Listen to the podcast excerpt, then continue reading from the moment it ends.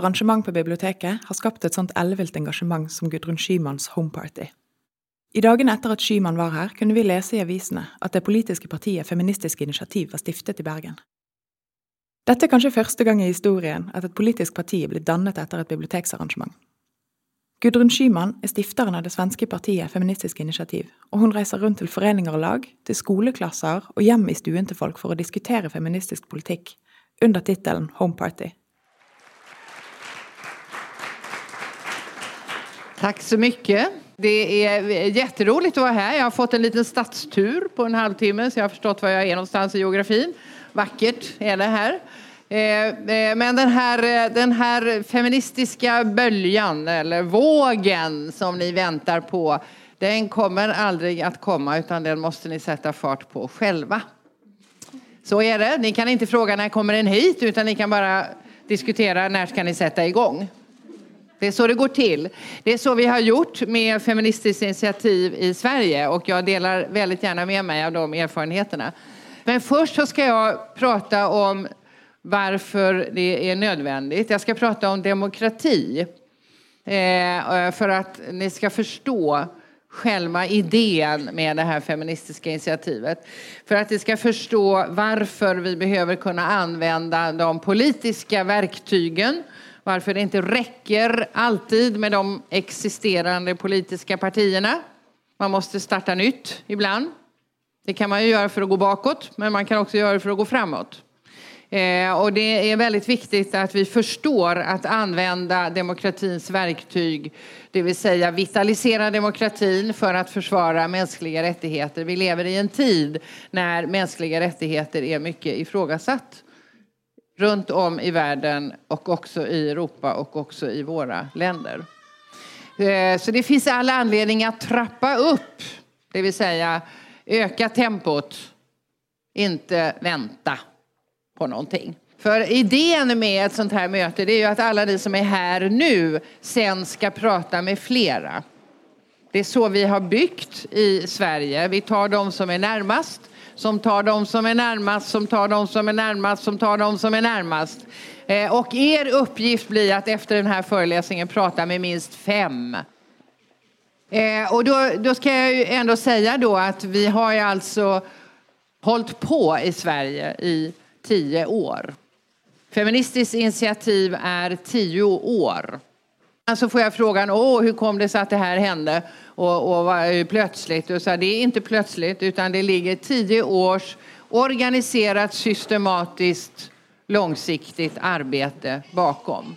För att bygga en organisation, för att höja medvetenheten och i och med det få en mer avancerad samhällspolitisk debatt omkring de här frågorna. Så det har tagit tid. Förra året så blev det ett genombrott, ett feministiskt genombrott. Och det manifesterade sig bland annat i valen som vi hade i Sverige till EU-parlamentet där vi kom in med råge och till riksdagen där vi nästan kom in. Vi fick 3,12, vi skulle behövt 4,0. Men vi kom in i väldigt många kommuner. I 13 kommuner är vi nu representerade. Eh, eh, alla de stora, men också på en del håll där man inte förväntar sig. Uppe i Kiruna i norr, gruvdistrikten. Det är rätt macho. Där sitter vi med och formar nya politiska majoriteter till exempel. Men också andra små kommuner som man måste titta på kartan var de ligger. Och så i Simrishamn där jag bor, där har vi varit med som tredje största parti sedan år 2010. Så vi jobbar kommun, kommunalpolitiskt. Fler och fler har nu bestämt sig för att göra det ännu mer så att vi i nästa val kommer att vara betydligt fler kommuner som kommer att få representation. Vi fick under 2014 fler medlemmar än många av riksdagspartierna har överhuvudtaget. Vi är större än många av de politiska partier som har funnits i hundra år. Vi är större än eh, Vänsterpartiet, än Miljöpartiet, det har inte funnits i hundra år, än Folkpartiet, det liberala partiet i Sverige. Vi är större än Kristdemokraterna, vi är större än Sverigedemokraterna, det rasistiska partiet i Sverige. Vi växte alldeles otroligt och slutade vid årsskiftet 2014-2015 med ett medlemsantal som var lite över 22 000 medlemmar. Det är väldigt mycket. Eh, och vi har ett ungdomsförbund som heter Unga Feminister som snabbt under 2013-2014 växte till tredje största med 8 000 medlemmar. Väldigt mycket feminister.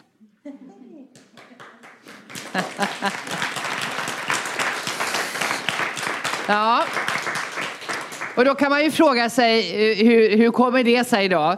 Eh, Sverige är ju precis som de andra skandinaviska länderna kända, kända, vi är kända för att vi har kommit så långt i, där det gäller jämställdhet. Så en del tror jag att det behöver man inte hålla på med överhuvudtaget. Eh, och det fanns ju de som tyckte så också för tio år sedan när vi började. Och det är de som har hållit på och tyckt så länge. Men sen har det ju då hänt olika saker i samhället som gör att det har blivit allt tydligare för allt fler att Sverige är inte ett jämställt land. Utan vi har problem och det är inte individuella problem utan det är strukturella problem i samhället. Det är samhällsproblem. Och de går dessutom hand i hand med andra diskrimineringsproblem. Ett samhälle som bär på kvinnohat och sexism bär också rasism och homofobi och transfobi och en syn på människor som har funktionsvariationer som mindre värda. Diskrimineringarna går samman och krokar i varandra och drabbar individer många gånger dubbelt.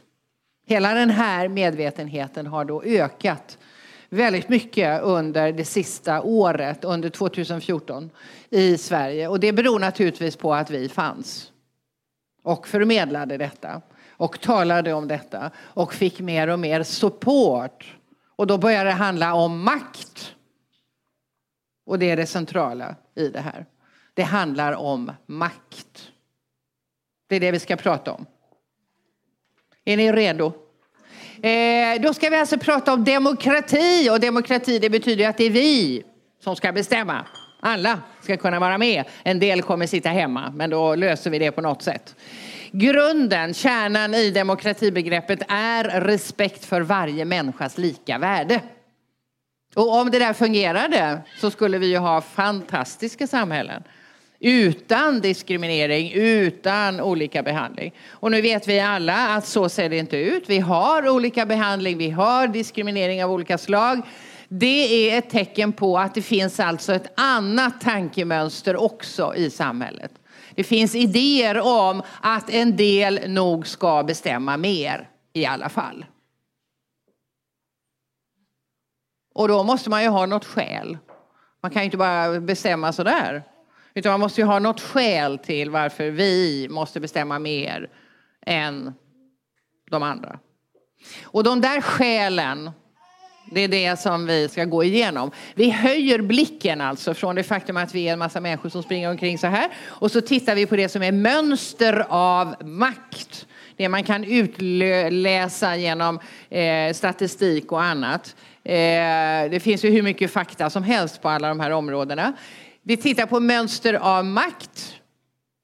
Normer kan man kalla det för också, som påverkar oss och som faller ut i form av diskriminering. Hur ser det här ut? Vad, vad är skälen till att en del tycker att de ska bestämma mer än andra? Och jag börjar att ställa den första frågan till er. Vad är det vanligaste i vårt samhälle? Eh, vad är det vanligaste skälet till att en del bestämmer mer än andra? Kön? Nej, det är nog inte det vanligaste. Pengar? Det är pengar. Alla tror jag här inne och överallt annanstans är medvetna om att i våra samhällen så har man mer makt och inflytande om man har mer pengar. Inte sant? I Sverige, i Norge och i precis alla länder. Mer pengar ger mer makt och inflytande än lite pengar. Man tittar på hur är pengarna och förmögenheterna fördelade då i landet. Man gör en socioekonomisk analys heter det. Tre stycken grupper brukar man tala om tre stycken socioekonomiska grupper. Har ni hört det ordet? Det finns ett annat ord man kan använda om man vill, ett litet, mera behändigt kanske. Om man inte vill säga socioekonomiska grupper så kan man säga klass, precis. Och Sverige är ett klassamhälle och Norge är ett klassamhälle. Alla är det mer eller mindre. Eh, och här uppe tycker man att man har rätt att bestämma mer. Man, man, man tycker man måste det. För man har att göra med kapital och det är alltid fyllt med mycket risker. Kapital ska placeras, det ska förmeras, det ska växa. Det ska vara ökad avkastning, gärna så fort som möjligt. Och det är väldigt förknippat med risker, för det är alltid oro i ekonomin. Det blåser på börsen, det är tsunami i världsekonomin. Och för att kompensera risktagandet så behöver man ha kontroll. Det är det som makt handlar om, att ha kontroll. Och det tycker man att man måste ha där. Här har man ju som regel jobbat ihop pengarna där, så tycker man det är väl vi som ska bestämma. Intressant. Det här är en struktur. Och det betyder att var vi är som individer här är inte ett resultat av fria val. Vi sitter inte vid köksbordet hemma och diskuterar vilken klass vi vill hoppa in i. Vi slår inte upp våra ögon på BB och säger så hej jag hoppar in här, det verkar vara party. Så går det ju inte till. Utan vi föds in i detta och var vi hamnar här, det beror på vad våra föräldrar är. Och beroende på var vi hamnar här så har vi rätt olika verklighet, olika vardag, olika makt, olika möjligheter. Och det formar oss som individer, våra värderingar och våra åsikter. Det betyder att vi kommer att tycka olika. Och det handlar alltså inte om enskilda individer som tycker olika och står i någon gathörn och gruffar om någonting. Utan det handlar om strukturella konflikter i ett samhälle som uppvisar en sån här struktur. Och då ritar ni in det så här. Det här en pil, en sån här som har pilar i bägge håll, betyder strukturell konflikt. Det blir alltså strukturella konflikter. Vi tycker olika om saker och ting för att vi lever i olika verklighet, olika vardag olika makt, olika möjligheter. Och det formar oss, våra åsikter och våra värderingar. Det är vi överens om? Ja, ska ni säga nu. Jag hör att ni är vakna. Ja. Trots detta då, trots att vi har olika åsikter och olika värderingar så måste vi hela tiden fatta en massa beslut om olika saker som har att göra med vårt samhälle i samtiden, nutiden och i framtiden. En massa beslut. Annars så liksom stannar det upp. Besluten ska fattas om till exempel hur ska vi ha det med fisket som är väl aktuellt här på ett eller annat sätt. Hur ska vi ha det med kommunikationerna? Hur ska vi ha det med kulturen? Ska konstskolorna ha statliga bidrag eller inte? Till exempel. Hur ska vi ha det med utbildningsväsendet? Hur ska vi ha det med skolan, universiteten, forskningen? Hur ska vi ha det med, med kollektivtrafiken? Hur ska vi ha det med, med energipolitiken, miljöpolitiken, utrikespolitiken, säkerhetspolitiken? Ska vi vara med i NATO eller inte? Nej, det ska vi inte här i alla fall. Eller här är vi ju redan det, eller hur? Ja, ska vi vara med i EU? Nej, det ska vi inte vara här. Det är en massa beslut som vi hela tiden måste fatta om samhället, om det som vi uppfattar som vårt gemensamma. Och detta ska vi göra trots att vi tycker olika. Hur gör vi då? Slår vi varann på käften och den som var starkast vann? Hur går det till när vi tar hand om de här strukturella konflikterna?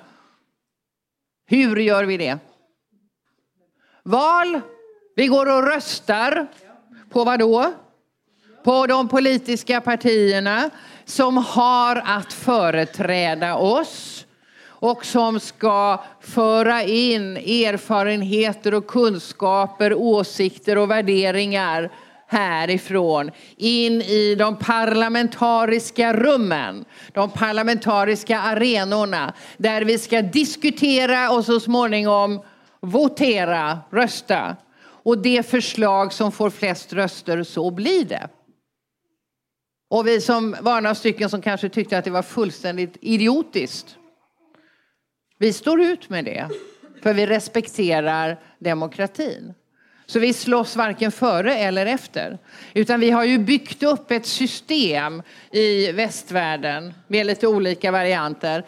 Ett system som vi kallar för representativ demokrati och parlamentarism. Det är ju det sättet som vi har beslutat oss för att vi ska lösa ut de här konflikterna.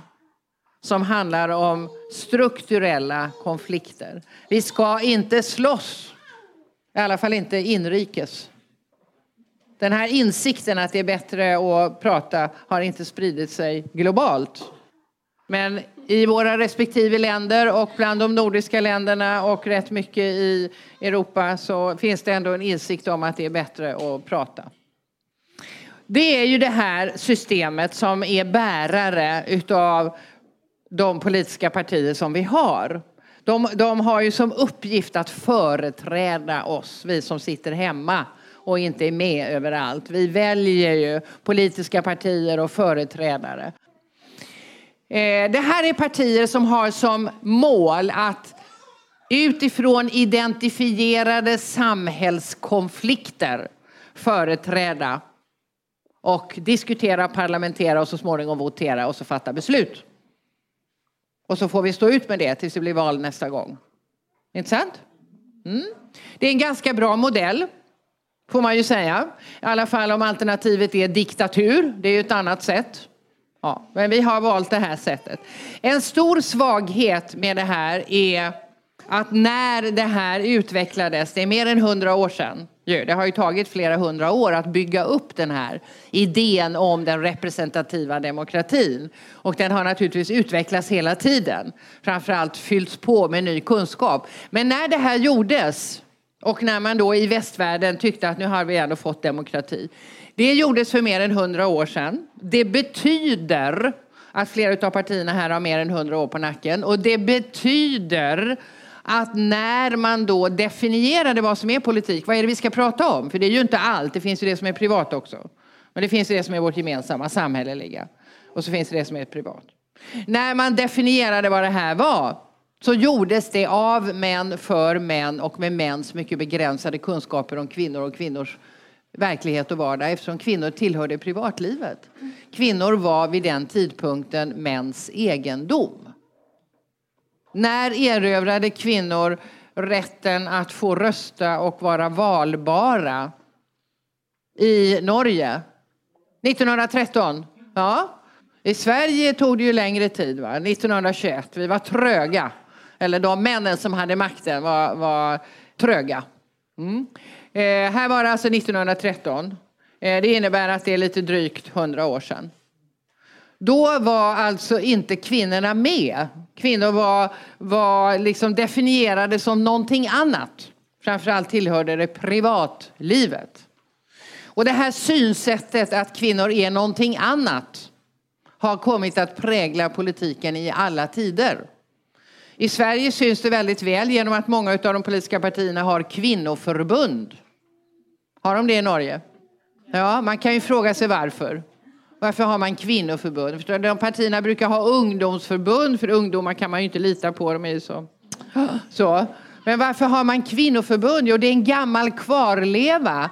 För att när kvinnor då skulle få komma in så att säga, i politiken så var det ju inte för att prata om allting på lika villkor med männen.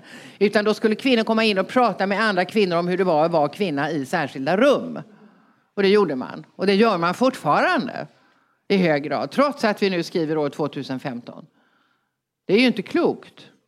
Alltså kvinnor är som någon form av lobbyister i sina egna partier. Man pratar i kvinnoförbundet så kommer man överens om en ståndpunkt och sen ska man försöka påverka partiet på kongressen. Och väldigt ofta blir man brutalt överkörd av partiet som har en annan åsikt. Så ser det ut. Eh, I alla fall i Sverige. Jag kan tänka mig att det ser ut så i Norge också. Det här, det här är ju ett väldigt konstigt sätt. Eh, och det, är också, det syns också i politiken för att man kallar en del frågor för kvinnofrågor. När man diskuterar löner, kvinnors löner och arbetsvillkor så säger man jaha, ska vi diskutera kvinnolönerna? Ja, när diskuterar vi manslönerna? Det gör man inte, utan då heter det nu ska vi diskutera avtalsrörelsen. Till och med en sån eh, eh, brutal fråga och oerhört komplicerad och svår fråga som mäns våld mot kvinnor betraktas som en kvinnofråga.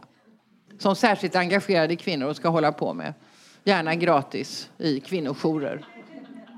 Det är en illustration på detta. Det är hemskt. Och det är, visar på vilken betydelse Eh, vilken historisk betydelse det här har haft, det här gamla patriarkala tänkandet och hur det fortfarande le lever kvar. Och det är ju det då som Feministiskt initiativ har brutit med. Vi har sagt att vi tänker inte försöka påverka de som har makten, utan vi tänker ta makten. Det är den stora skillnaden. Vi tänker inte hålla oss i några särskilda rum och bara prata på några särskilda dagar om några särskilda frågor. Vi är inget särintresse, utan vi är halva befolkningen. Och vi tänker ta makt, det vill säga gå in i maktens rum och ta plats. Helt enkelt.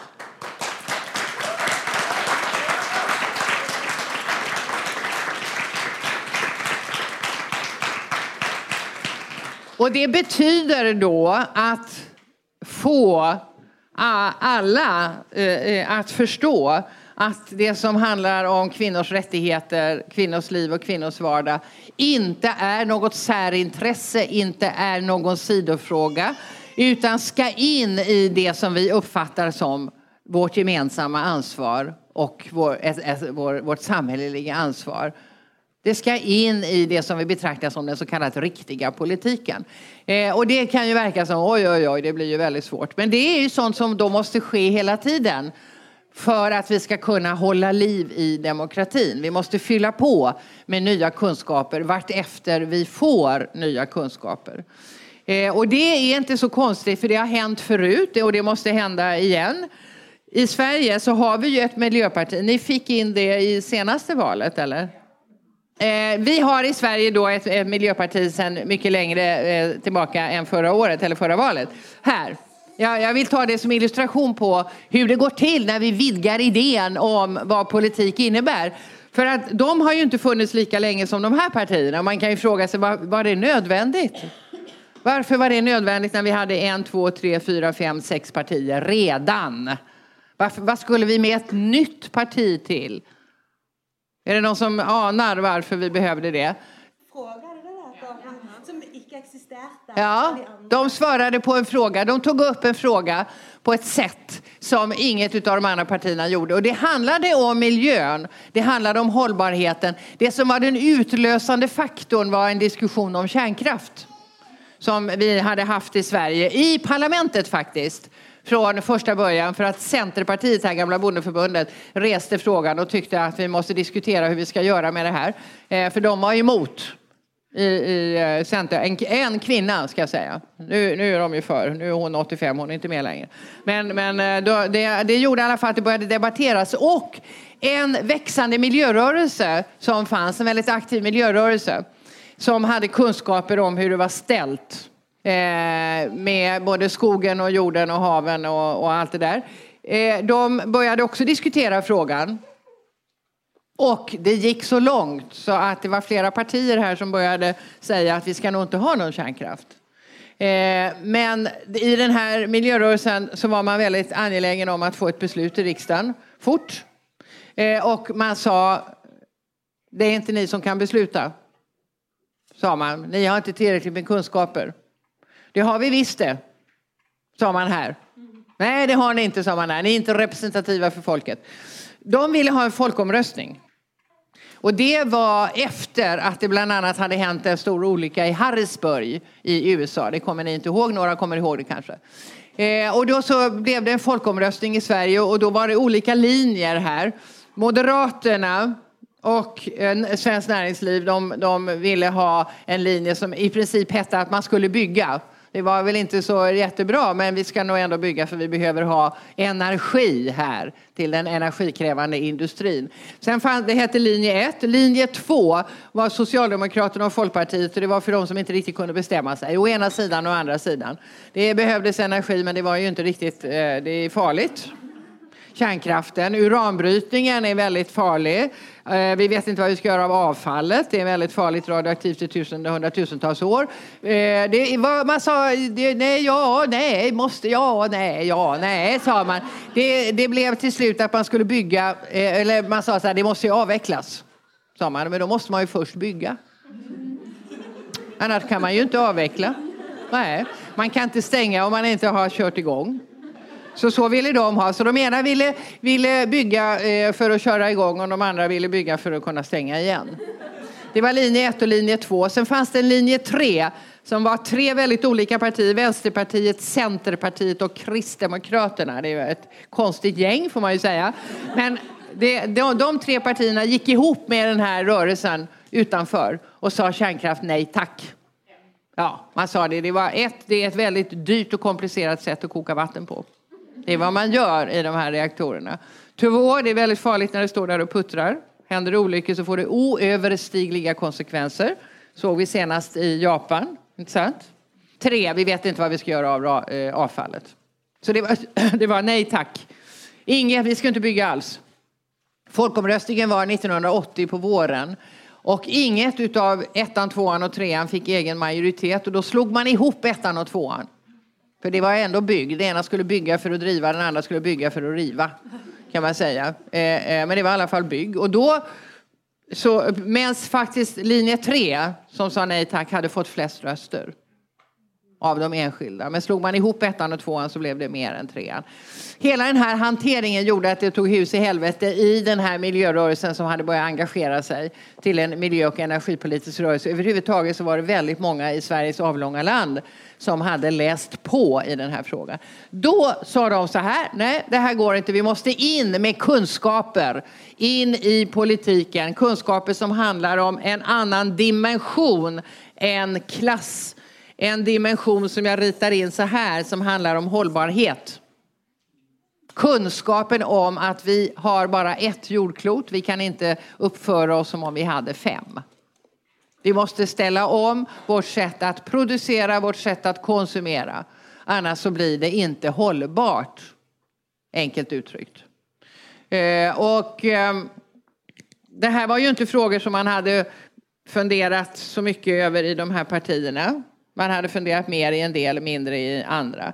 Men alla partierna som var inne i riksdagen var överens om att det där var ingen bra idé med ett nytt parti. Det tycker ju inget parti som redan är inne. Inget parti som är inne vill ju ha in något nytt. För det handlar ju om stolarna, det handlar om makten. Man sätter ju inte dit flera stolar när det kommer ett nytt parti. Utan någon får ju flytta på sig. Så alla partier här sa nej, det där är inte politik. Nej, det är sådana där fritidsintressen.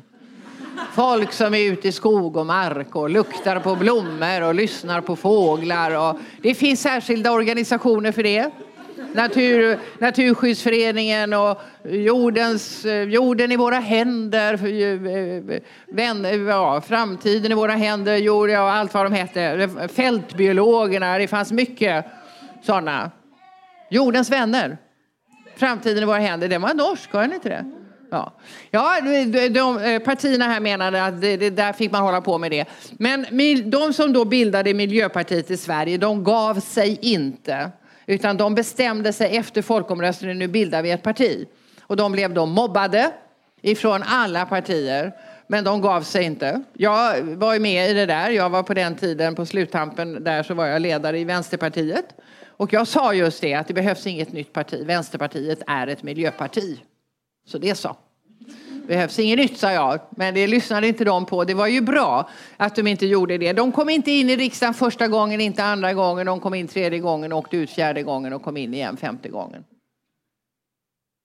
Det tog ju 15-20 år innan de blev ett etablerat parti. Det som hände när de kom in var att alla fick läsa på. Då kunde inte någon stå i någon talarstol och fnysa åt de där miljömupparna som borde hållas i skogen. För nu hade de fått svenska folkets mandat att bära in den här kunskapen. Och då fick ju alla som fanns här, som hade den kunskapen, luft under vingarna. De som hade suttit i någon garderob, förstår du, ligg lågt, nu ska vi bygga kärnkraft här. Uh, uh, uh, så här. De fick nu komma ut ur sina hålor och så fick de ju utbilda sina partikamrater och kunskapsnivån höjdes i hela politiken. Och man släppte idén om att det skulle vara jordbruk som man skulle prata om när man pratar miljö. Så jordbruksutskottet blev miljöutskott och jordbruksministern blev miljöminister och jordbruksdepartementet blev miljödepartement. Och frågan fick en helt annan tyngd. Idag skulle ingen komma och påstå från något parti och säga det där är väl sådana här friluftsfrågor. Hållbarhet är ju en absolut grundläggande fråga i politiken och man har olika syn, man har olika program och ska det vara klart 2020 eller 2030 och fossilfritt och ska det vara morot eller piska och sådär. Eller hur? Det, det är liksom en tung fråga i politiken. Och det kom ju in nya människor. Det, de hade blivit, varit beskyllda för att de såg så konstiga ut. Förstår ni? Det var inte nog med att de lufsade i skogen, de hade stora skägg och långa koftor. En del av dem kom in här. Fick de ju raka sig förstås. I alla fall snygga till sig lite. Gjorde de. Men det var väldigt bra det här som skedde här. För att det vidgade vår idé om vad politiken ska innefatta. Det vitaliserade demokratin för att det kom in ny kunskap och nya människor. Och jag är så entusiastisk över den här historien. Av det enkla skälet som ni säkert har redan har förstått. Att det är det här som pågår nu också i Sverige. Det är den här dimensionen som förutom klass och hållbarhet handlar om mänskliga rättigheter. Jämställdhet är det som är målet här. Här är det hållbarhet. Här är det jämställdhet och frihet från alla former av diskriminering. Och när vi kom för tio år sedan första gången så blev vi bemötta på samma sätt, det vill säga mobbing. Ah, det är ju inte politik de håller på med, det är konstiga frågor och titta så de ser ut och inte kan de hålla sams och jävla kackel och bara massa kärringar hänger och slänger överallt. Uh, uh, uh, uh, så. Det var liksom alla. Och sa alla här, i den mån det är politik så har vi den. Och Vänsterpartiets nuvarande ledare går naturligtvis ut och säger Vänsterpartiet är ett feministiskt parti, det behövs inget nytt. Precis som jag en gång i tiden sa, Vänsterpartiet är ett miljöparti, det behövs inget nytt. Och han säger det av samma skäl. Det handlar om makt, naturligtvis. Och det som har hänt nu under de här tio åren som vi har funnits, det är ju att fler har varit tvungna att läsa på. Och särskilt ska jag säga då de två senaste åren, 2013 och 2014. Framför allt 2014. När vi steg i alla opinionsmätningar inför EU-valet och det började bli tydligt för allt fler att de kommer komma in. Förstår? De andra partierna blev jätterädda. För det handlar om makt.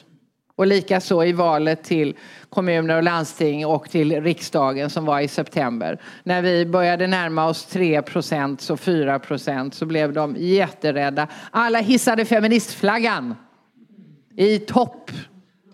Folkpartiet här, det liberala partiet, gick ut i en särskild kampanj där de sa feminism utan socialism. Sa de. Och då, då, då svarade, för de anklagar feminism för att vara socialism. Då svarade Vänsterpartiet feminism fett med socialism. Och då svarade vi feminism extra allt.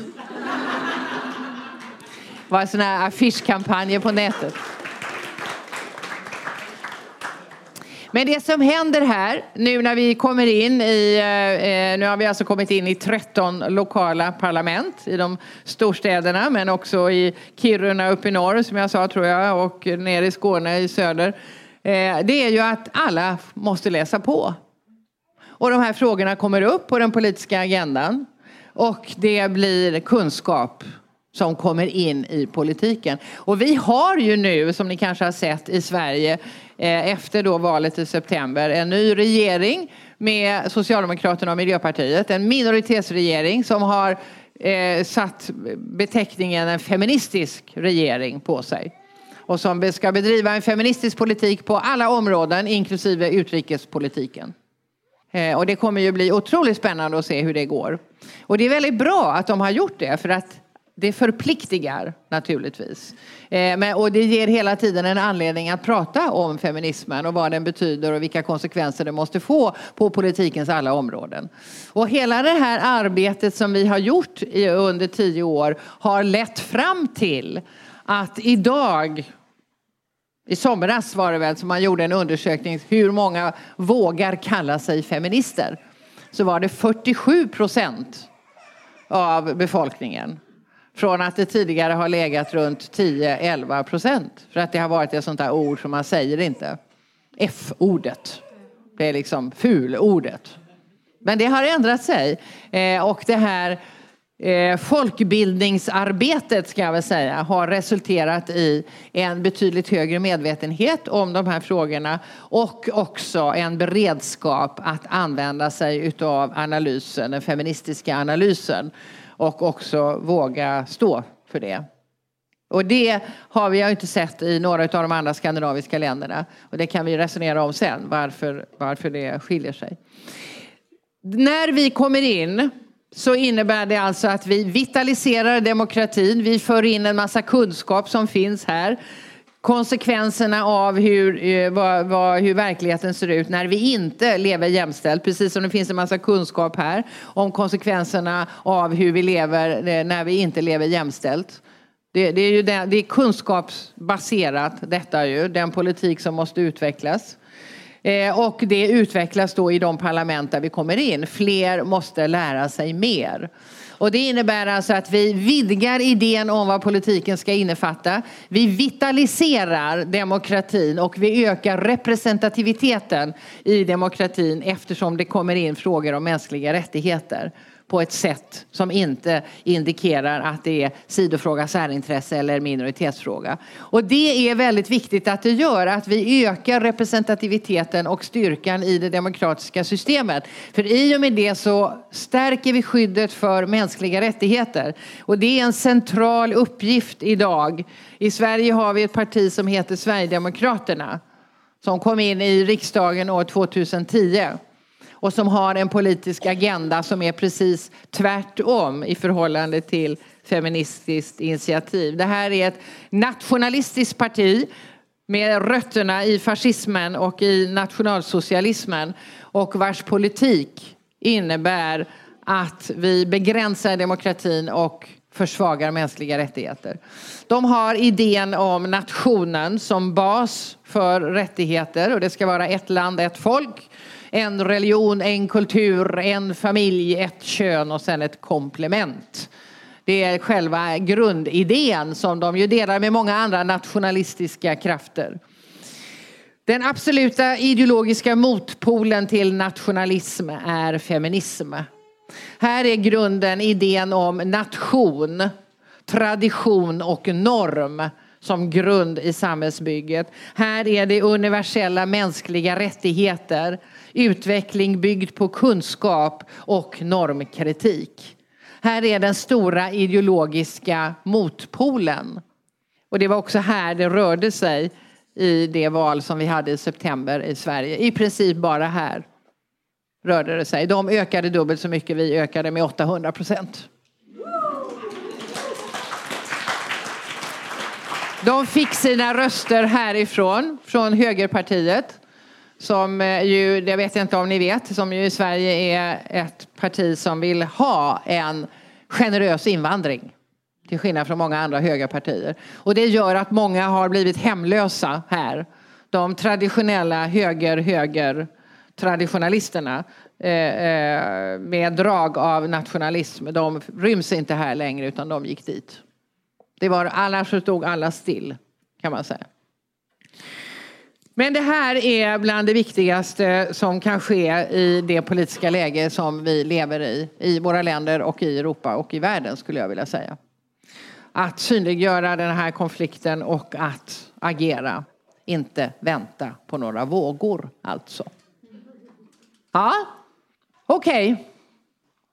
Vi går vidare i ritandet. Nu ska vi rita upp en annan sån här maktordning som finns i samhället och som faller ut i form av diskriminering och olika behandling. Och då ritar ni en stor ring och så ritar ni en liten ring. Och det är ett väldigt enkelt tankemönster som ryms bakom detta. Nämligen idén om att vi som är flest, vi vet bäst och därför ska vi bestämma mest. Ja, det är ju väldigt enkelt. Vi är flest, vi vet bäst, vi ska bestämma mest. Det kan handla om etnicitet. Vi skriver V som är vit, S som är svart. Det finns ju många olika nyanser. Det finns i alla våra länder en idé om att det finns ett vi. Och det här viet, det är vi som har bott här väldigt länge i just det här landet. Vi som har våra rötter i den svenska eller i den norska myllan. Vi som har gått på tur innan vi ens blev födda. Eh, vi som eh, känner igen varandra för vi är lite gråbleka hyn och har lite råttfärgat stripigt hår. Och som har namn som är lätta att uttala och komma ihåg. Det är vi. Ja, och vi vet hur det har varit, vi vet hur det ska vara nu och i framtiden. Och när det kommer människor från andra delar av jordklotet som ser annorlunda ut, har annan hudfärg, annan hårfärg, har andra rötter, så tycker vi det är lite jobbigt. Ja, det är lite jobbigt. Ja, man förstår ju inte vad de säger. Och, va?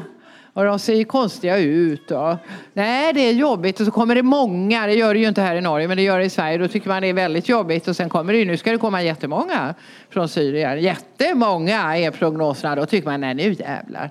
Nu, nu, nej, nu drar vi ner rullgardiner, man kan släcka lampan, man kan ju låtsas som att man inte är hemma. Eller hur? De kanske går förbi. Det går över på något sätt. Den där attityden av att inte kunna öppna dörren och säga välkommen är väldigt tydlig i Sverige på arbetsmarknaden. Eh, jag vet inte hur det ser ut i Norge. Jag vet att ni tar ju inte alls emot lika mycket människor här som vi gör. Men eh, på arbetsmarknaden i Sverige så är det väldigt tydligt att där är man väldigt rädd och gläntar nästan inte på dörren alls. Och det gör att det tar väldigt lång tid för människor som kommer från andra delar av världen att komma in och få ett jobb, en försörjning och i med det egen bostad och så vidare. Och det finns alltså en diskriminering det handlar inte om enskilda individer som inte kommer till utan det är så att har du ett utseende, har du ett namn som gör att du kan identifiera som tillhörande gruppen invandrare så får du det svårt. Helt enkelt. Sverige får mycket kritik för det där internationellt. Strukturell diskriminering handlar det om. Det kan också handla om sexualitet. Jag skriver hetero här och HBTQ här, förkortningen för homosexuella, bisexuella, transpersoner och queerpersoner. Det finns också här en kollektiv föreställning om att sexualitet är någonting som uppstår i mötet mellan två personer av olika kön och att det bara finns två olika kön. När det tar sig andra uttryck, när sexualiteten tar sig andra uttryck, när människor har andra könsidentiteter och könsuttryck så är det många som tycker det är konstigt. Onaturligt rent av. I Sverige var det ända till slutet på 70-talet betraktat som en sjukdom. Det fanns en diagnos, psykisk sjukdom, homosexualitet. Och här då? Hur länge var det det här? 78? Ja, vi frisknade till samtidigt ungefär där då. Eller hur? Det fattades ju beslut i våra parlament, det är så det går till. Man avskaffar diagnosen. Talmannen slår klubban i bordet, pang så, här, så blir en massa människor friska. Men diskrimineringen har ju fortsatt och fortsätter.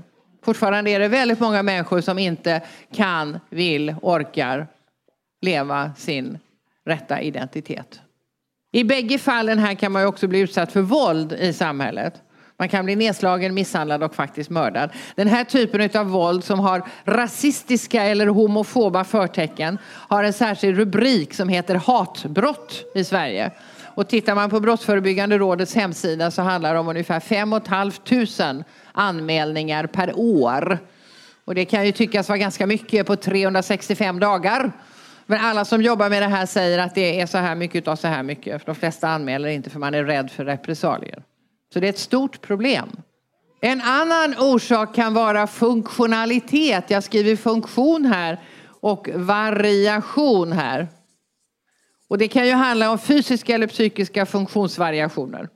Jag kanske eh, sitter i rullstol, det finns ingen ramp, det finns ingen hiss, jag kommer inte eh, in. Jag får vända och gå hem. Eh, jag kanske eh, har dålig hörsel, det finns ingen hörslinga som jag kan koppla in mig på. Jag får vända och gå hem, jag missar konserten. Det här handlar ju om bristande tillgänglighet. I Sverige är det från januari i år en diskrimineringsgrund. Det är ett stort problem i våra samhällen, i bostäder och på arbetsplatser men också ute i de offentliga rummen, på kaféerna, på frissan, på biblioteken, på en del ställen, på universitet och högskolor. Att det inte är tillgängligt. Det utestänger väldigt, väldigt många människor. Det kan också handla om psykiska funktionsvariationer. Jag kanske har någon diagnos, ADHD eller Asperger eller något. Och blir inte jag bemött med kunskap om vad detta är utan ses som en allmänt besvärlig person som slussas hit och dit och faller mellan alla stolar så har jag ingen möjlighet att utvecklas i min fulla mänskliga potential inklusive de talanger som jag bär på. Och det här gör bristande kunskap om vad detta är, psykisk funktionsvariation, gör att väldigt många människor råkar illa ut här.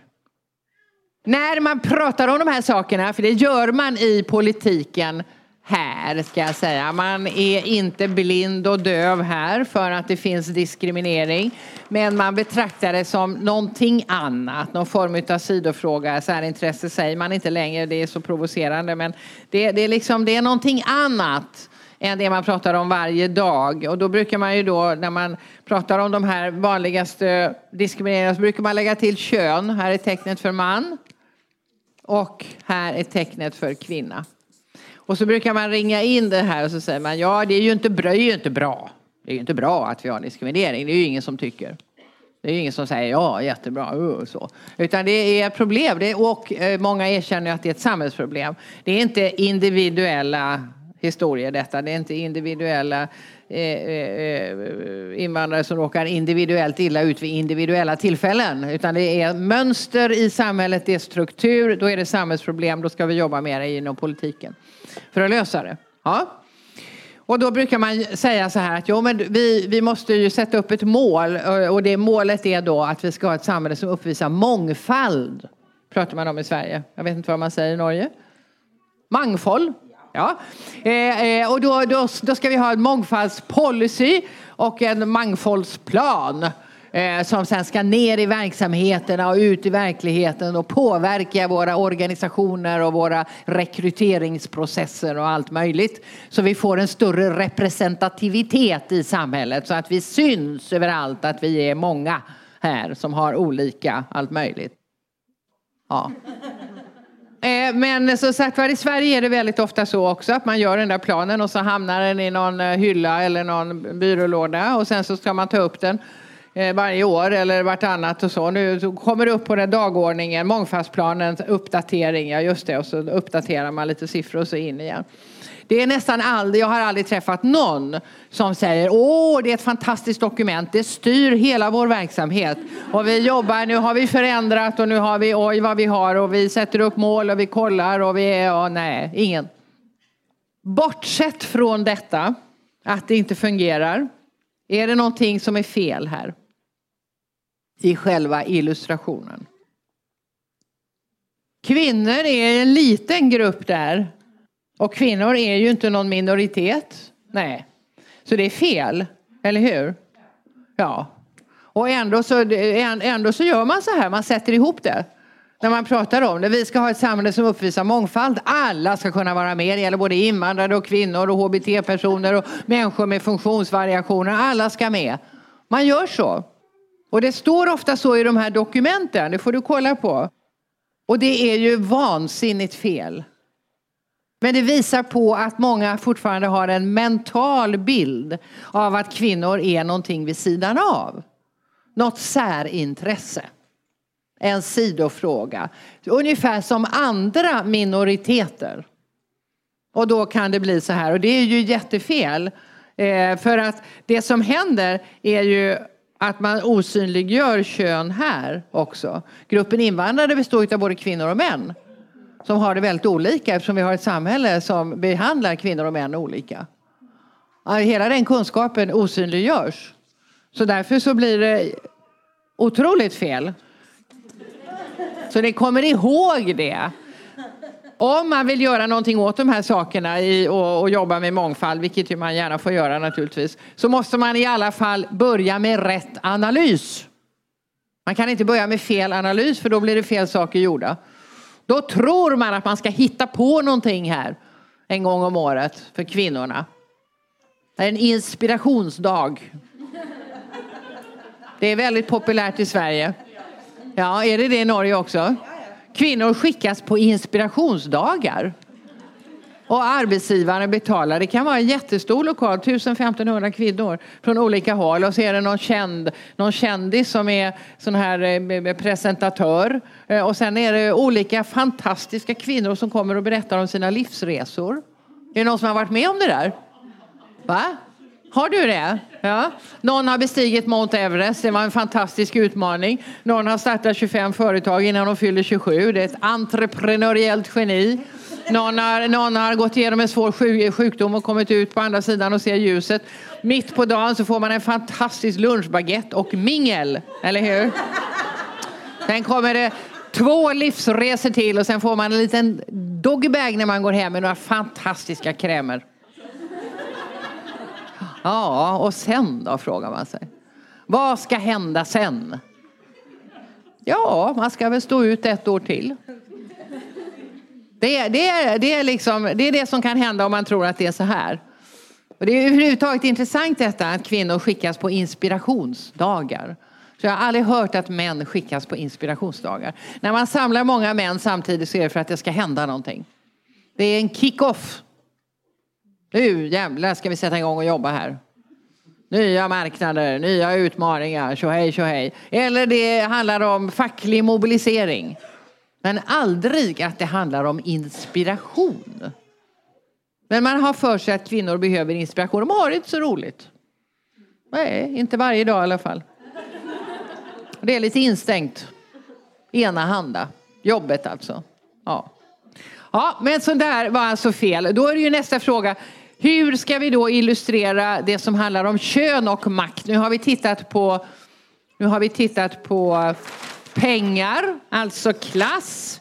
Och vi har eh, tittat på idéer om majoritet, minoritet eller norm. Om vi då ska sätta på oss genusglasögonen och titta på kön så finns det ju väldigt mycket kunskap, väldigt mycket fakta, väldigt mycket forskning. Jag vet inte hur ni har det i Norge, ska jag säga, men i Sverige har vi någonting som heter Statistiska centralbyrån. Har ni liknande i Norge? Som har kartlagt våra liv totalt inom alla områden. Befolkning, hälsa, utbildning, tidsanvändning, omsorg, förvärvsarbete, lön, inkomst, kriminalitet, inflytande och makt. Satt siffror på allt och delat upp det i kön. Det har ni också. Ger de också ut ett sånt här litet behändigt häfte. Två gånger om året. Det ska ni uppmana dem att göra. Två gånger om året. Den heter På tal om kvinnor och män, lathund om jämställdhet. Här finns alla kunskaper man behöver ha om hur det ser ut i verkligheten på alla områden. Här finns också en historisk tillbakablick från mitten på 1800-talet, viktiga feministiska framgångar i form av lagstiftning och reformer. Här finns också en kortare tillbakablick, vad har hänt sedan 80-talet? Och det dystra svaret är just ingenting. Här finns också det nationella jämställdhetsmålet som faktiskt Sveriges riksdag har beslutat. Jag vet inte om de har gjort något liknande i Norge. Våren 2006, innan det där partiet kom in, så, så hade man uppe de här frågorna och diskuterade. Och då beslutade man sig för en formulering. Det vill säga man skulle ha ett mål här. här. Här är det hållbarhet, här är det jämställdhet. Ja, hur ser det ut då? då? Jo, då sa man så här. När vi har lika mycket makt att forma samhället och våra egna liv, då är det jämställt. Vi ska ha lika mycket makt att forma samhället och våra egna liv oavsett om vi är kvinnor eller män. Det är definitionen på ett jämställt samhälle. Vi har lika mycket makt att forma samhället och våra egna liv oavsett om vi är kvinnor eller män. Det är nedbrutet i fyra undermål det ena handlar om representationen. Det ska synas i samhällets alla organisationer och hierarkier att kvinnor och män kan vara på alla områden. Tror ni att det är gjort i Sverige? Nej. Är det gjort i Norge? Nej. Det andra handlar om rättvisa, ekonomi. Vi ska kunna vara ekonomiskt självständiga i livet och livet ut. Det handlar alltså om rättvisa löner och pensioner. Det har vi inte i Sverige. Har ni det i Norge? Nej. Det tredje handlar om reproduktionen. Att vi ska dela lika på föräldraskapets ansvar och möjligheter och dela lika på det obetalda arbetet hemma. Jag ser redan på er att det gör ni inte i Norge. Det gör vi inte i Sverige heller. Det fjärde handlar om män, att utplåna mäns våld mot kvinnor. Och det har vi inte gjort i några av våra länder. Så ser det ut. Och det finns här. Och det betyder att vi på kunskapsgrund kan säga att Sverige är inte ett jämställt land. Och hade ni haft en liknande formulering, eh, eller har ni i Norge, så kan man konstatera samma sak. Men Sverige är inte ett jämställt land. Det kan vi utläsa här. Och det står också här att det är så. Det betyder att vi inte alls har nått det här målet. Och vad mera är, det bekymmersamma är att det finns inga politiska partier som har utvecklat en politik som ska ta oss dit. Utan det här tog man beslut om våren 2006 och sen blev det tyst. Jaha. Det var liksom ingen, alla var överens. Politik handlar om konflikt. Här var alla överens, det behöver vi inte prata om. Det blev tyst tills vi kom och började köra med det här.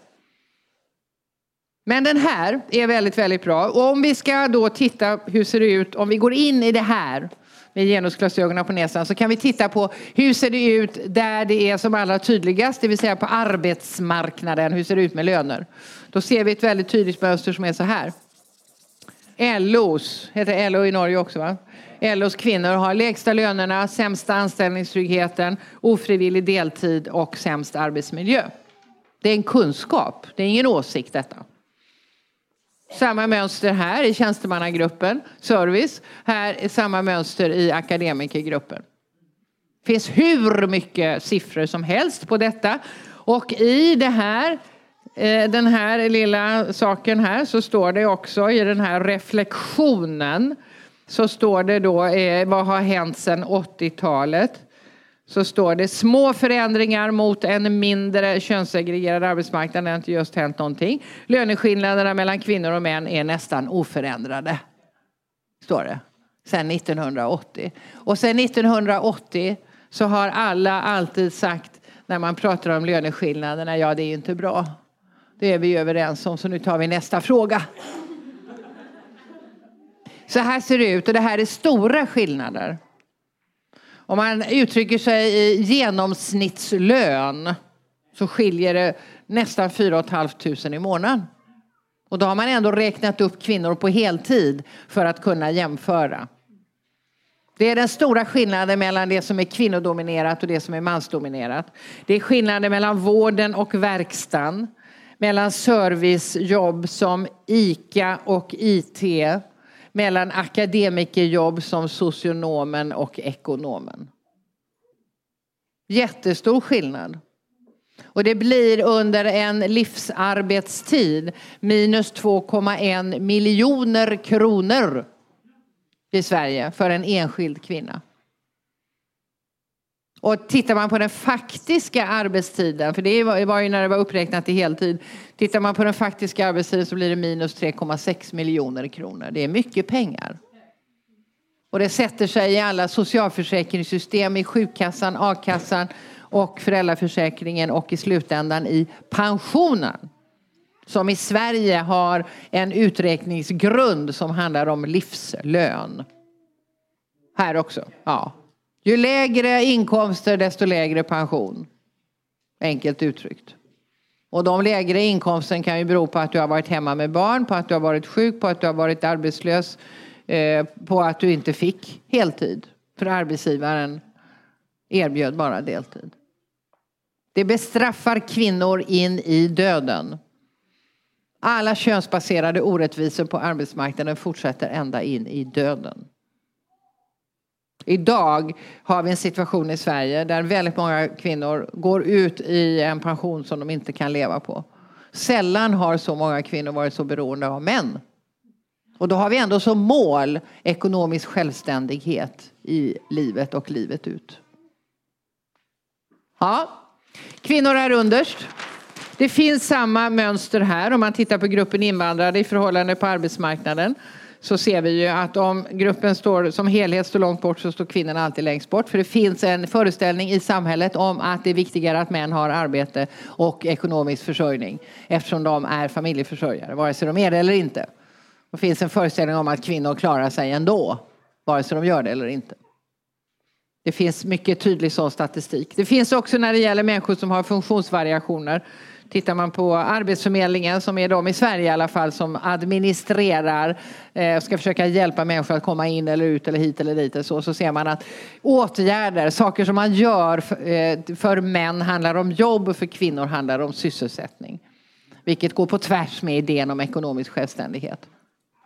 Vi pratade ju om eh, arbetsmarknaden, den är väldigt uppdelad. Den är i Sverige och det är den säkert också i Norge. Vård, omsorg, utbildning, kultur och service.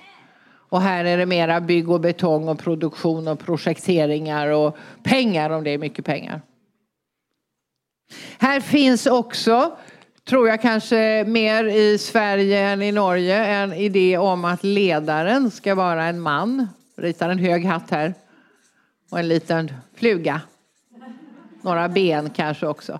Ledaren ska vara en man. Det är väldigt tydligt i det svenska näringslivet. Där har ni kommit längre i Norge. Eftersom, eh, jo, med det här beslutet om kvotering i börsnoterade företagens styrelser har gjort att det har blivit en mera jämn fördelning, könsmässig jämn fördelning i näringslivets toppar. Inte sant? Nej, eh, så har det ju blivit. Alltså kvinnor har ju gått in på samma mönster som männen. Och mönstret är ju att man sitter lite överallt. Att det är en ganska sluten krets. Men nu är det i alla fall eh, flera kvinnor i den där slutna kretsen. Så det är en bättre representativitet. Eh, får man ju säga. Och det var i alla fall ett politiskt beslut. Även om det tog lång tid att göra det. Sen kan man diskutera värdet utav det. Representationsfrågan har ett visst värde just för det det är, representation.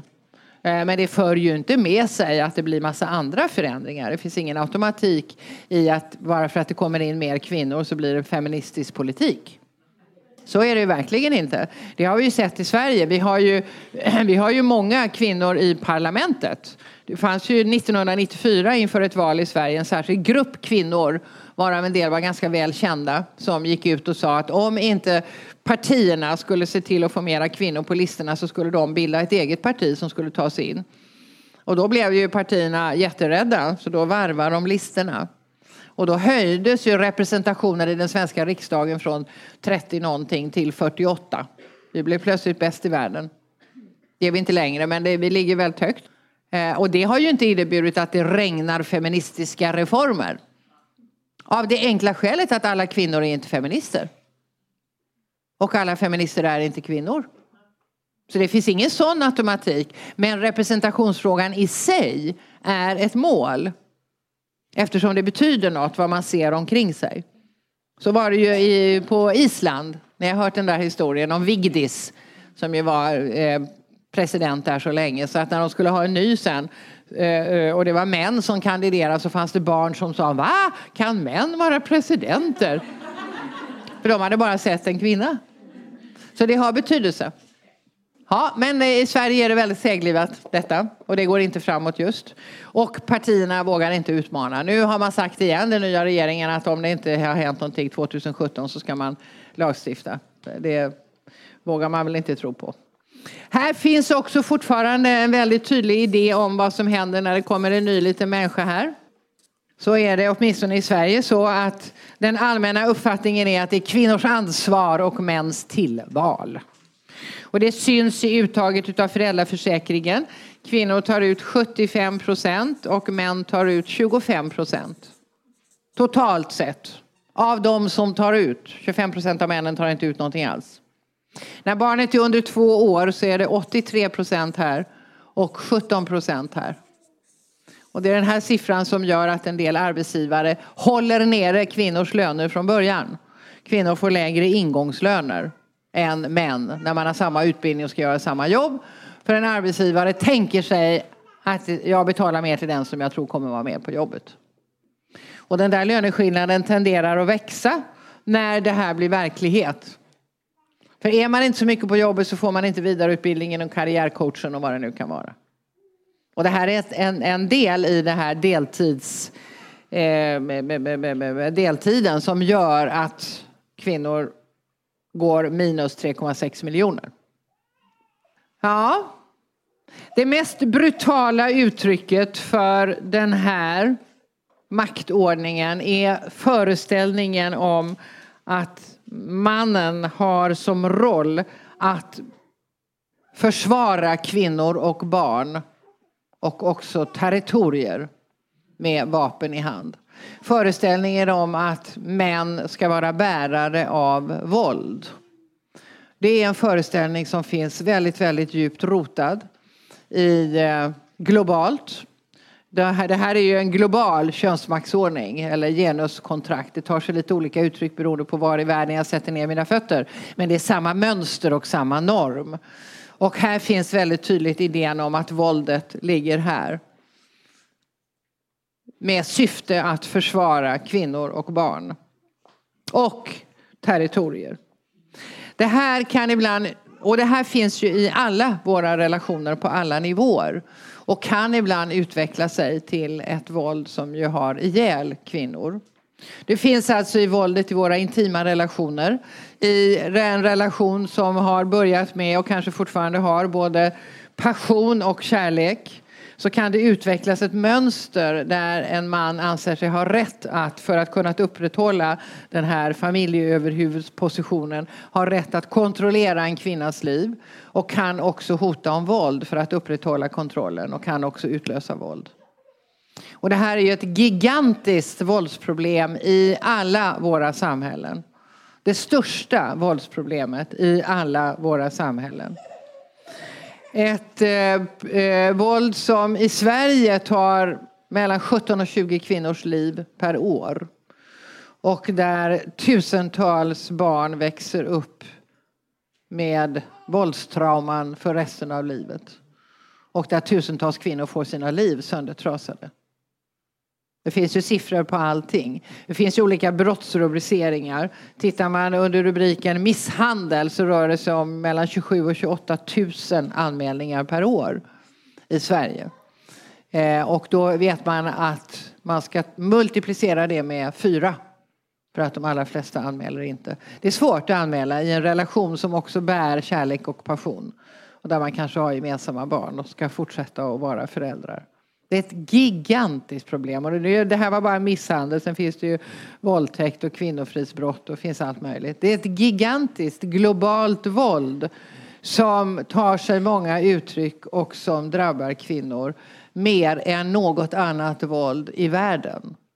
Folkhälso, eh, Världshälsoorganisationen skriver om det här som ett av våra största hälsoproblem, folkhälsoproblem. Att så många kvinnor dör till följd av det här globala våldet. Och i Sverige så brukar vi kalla det då för en kvinnofråga. Som ska handhas av särskilt engagerade kvinnor som ska gärna jobba gratis i kvinnojourer. Och som åtminstone i Sverige ska ansöka om pengar till sin verksamhet varje år.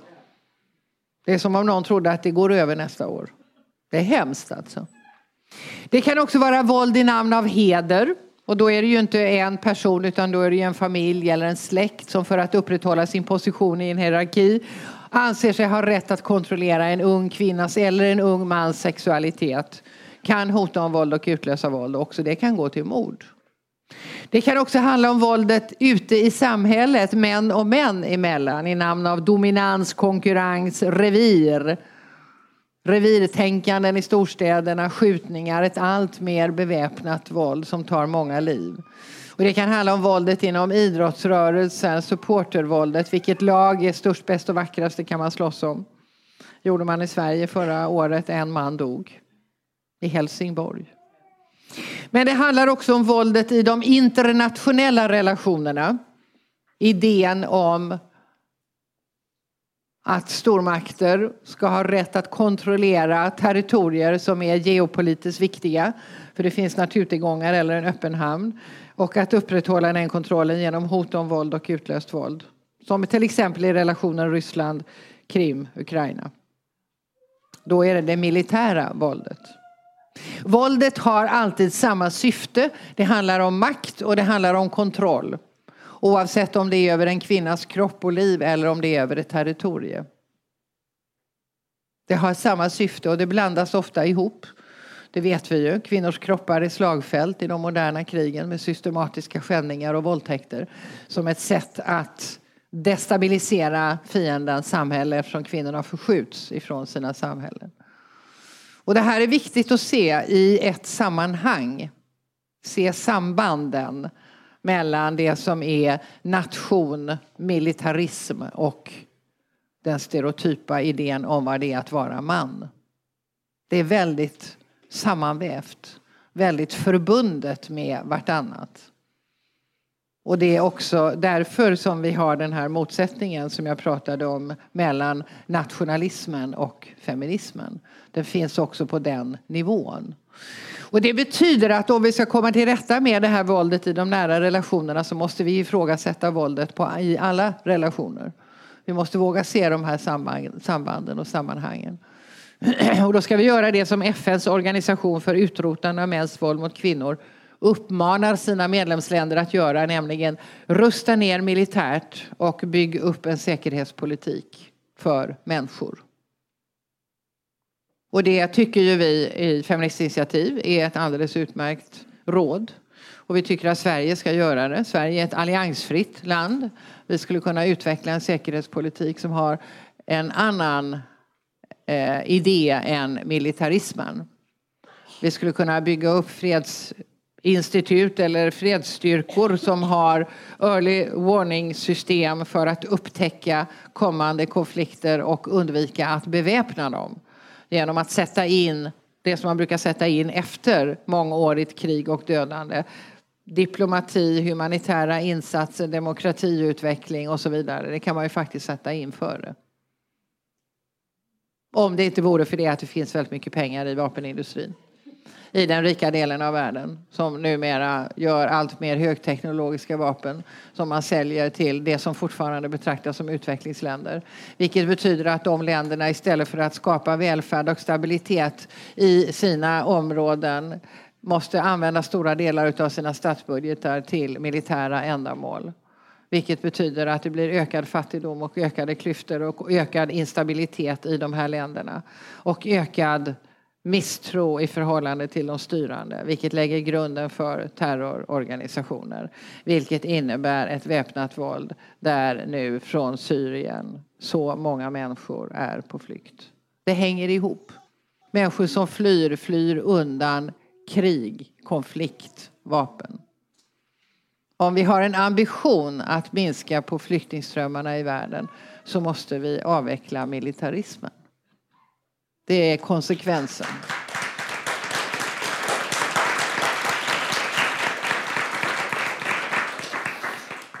Och att hävda detta är åtminstone i den svenska politiken oerhört järvt. Och man blir väldigt ifrågasatt och framförallt påhoppad eh, med sexism. Jag skrev en artikel om det här så fick jag höra att jag särar på benen för Putin. Så är det. Ja. Men eh, man måste ändå göra det man måste göra. Så här ser det ut. Allt detta pågår samtidigt. Vi har en grundplatta i alla våra samhällen och det är den djupt rotade idén om att vi är så olika som människorna, vi har olika kön så vi ska därför poängtera det från början väldigt tydligt och sen så bygga på det med uppfattningar om att vi utifrån vår olikhet ska ha helt olika roller, vara på helt olika ställen och framförallt att vi är olika mycket värda för samhället. Det är liksom grundidén. Och sen kommer ju alla de här andra maktfrågorna också som är variationer på samma tema genom att skapa ett vi och ett dom, genom att bygga upp olika normer omkring hur det ska vara. Det är viktigt att förstå att det här som vi definierar som minoriteter i själva verket inte är minoriteter. Utan det handlar just om normbrytare. Alltså, det fanns ju ett land som, där en minoritet vita styrde över svarta, eller hur? Det var ju inte, det var ju, eller hur? Det är inte en minoritetsfråga utan det handlar om rasism. Det handlar om idéer om den vite mannens överhöghet, helt enkelt. Så det är ingen minoritetsfråga. Tittar vi här på HBT, vad är det som gör att den här normen är så stark? Vad är det som gör att det här är så oerhört eh, provocerande? Så människor är beredda att mörda.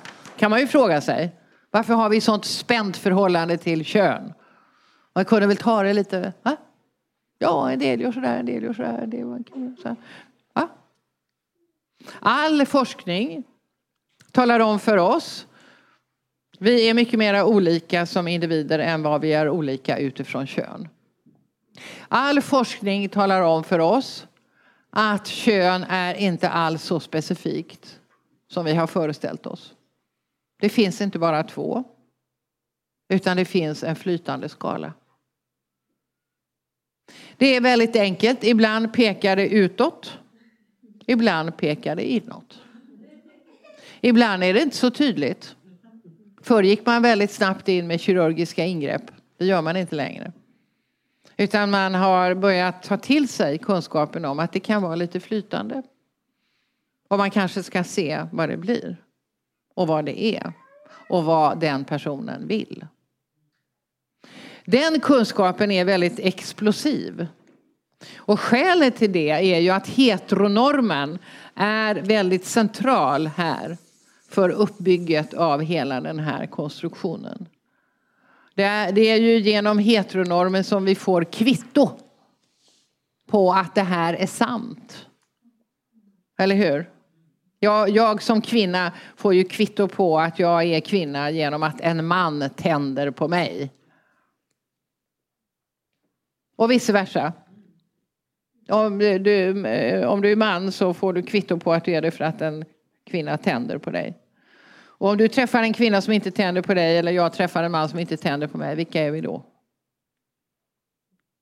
Det kan ju kännas väldigt scary.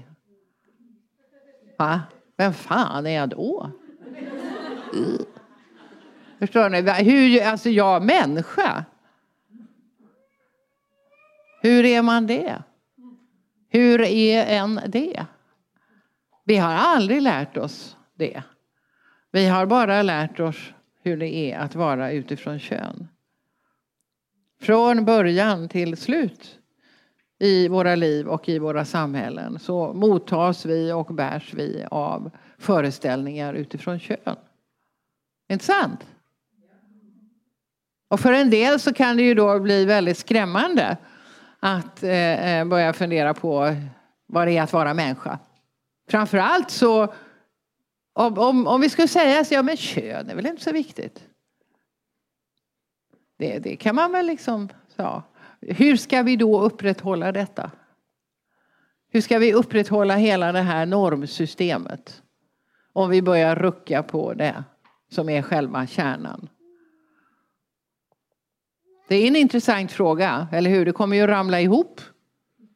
Ja, det är ju en spännande framtid om vi börjar rucka på detta. Så det är inte en fråga om minoritet utan det är en fråga om att få vara människa. Och det är det som är målet med alltihopa det här. Målet med att montera ner den patriarkala maktordningen eller genuskontraktet är ju att få vara människa. Att vi är de som vi är och att vi får vara de vi är. Så det här rymmer ju alla de här frågorna och det göder och stöder vartannat, de här olika idéerna och diskrimineringarna. De finns i en samtid och de stärker varandra. Majoriteten av fattiga i världen och i Sverige eh, och i Norge är kvinnor. Så kön och klass hänger väldigt mycket ihop. Klimathotet har också ett kön. Om vi tittar på, om vi uttrycker oss i termer av ekologiska fotavtryck, det vill säga hur mycket tär vi på jordens ändliga resurser. Hur mycket belastar vi det här enda jordklotet som vi har? Så visar det sig att män har ekologiska fotavtryck nummer tre och kvinnor har nummer ett. Och det beror inte på att kvinnor är snällare utan det beror på att män har mer pengar och kan utveckla livsstilar och produktions och konsumtionsmönster som tär mer på det enda jordklot vi har. Man brukar prata om de tre Eh, de eh, tre bovarna i, i miljödramat, ben, de tre bena, det är alltså bostaden, biffen och bilen. Och de är större här. För det finns mera pengar här. Man brukar lägga till det fjärde bet och det är börsen. Kontrollen över den globala ekonomin och det är här. Och det här är kunskaper som man måste ha när man ska diskutera omställning. Vi sitter inte alla i samma båt. En del åker flygplan jorden runt, andra eh, åker lyxjottar och någon cyklar och någon rör sig inte alls. Vi sitter inte alls i samma båt. Och det är väldigt olika mellan kön. Så hela den här kunskapen, hela den här komplexiteten kunskapen om hur det ser ut i samhället när det gäller maktfrågorna. Hur de samverkar med varandra, göder och stödjer varandra och att de finns i en samtidighet och att vi som individer kan vara bärare utav flera frågor på en gång. Det är hela den här kunskapen. Jag har en pil här. Det är hela den kunskapen som ska in här. För att vitalisera demokratin, för att berika politiken med mer kunskaper bättre maktanalyser, modernare eh, kunskaper, fakta och forskning för att tränga ut gamla fördomar. Hela den processen handlar det om. Det är det vi håller på med i Feministiskt initiativ och det är det som man behöver göra överallt. Såklart. Det framstår väl som alldeles uppenbart. Var man än befinner sig så måste det här göras. Eh, och eh, jag kan garantera er att det görs inte i något av de etablerade partierna. Av det enkla skälet att de som är där har kommit dit av ett annat skäl från början. Och för att de som sitter i ledningen gör det för det de har gjort och inte för att de ska göra någonting annat.